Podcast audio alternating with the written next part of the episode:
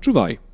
Pojawiła się wersja robocza raportu z wdrożenia i ewaluacji strategii rozwoju ZHP na lata 2012-2017. Decyzja o udostępnieniu wersji roboczej raportu została podjęta w gronie władz naczelnych ZHP oraz komendantów chorągwi.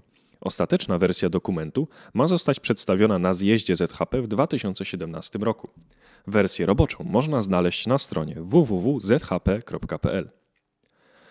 Bedlejemskie światło pokoju dotarło do Pałacu Prezydenckiego.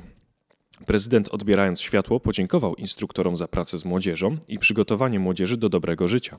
W spotkaniu z udziałem pary prezydenckiej wzięli udział przedstawiciele organizacji harcerskich objętych honorowym patronatem prezydenta Rzeczpospolitej. Organizujesz rajd albo ciekawe wydarzenie programowe? A może lubisz opowiadać o tym, co się dzieje w Twojej okolicy? W takim razie zapraszamy do współpracy.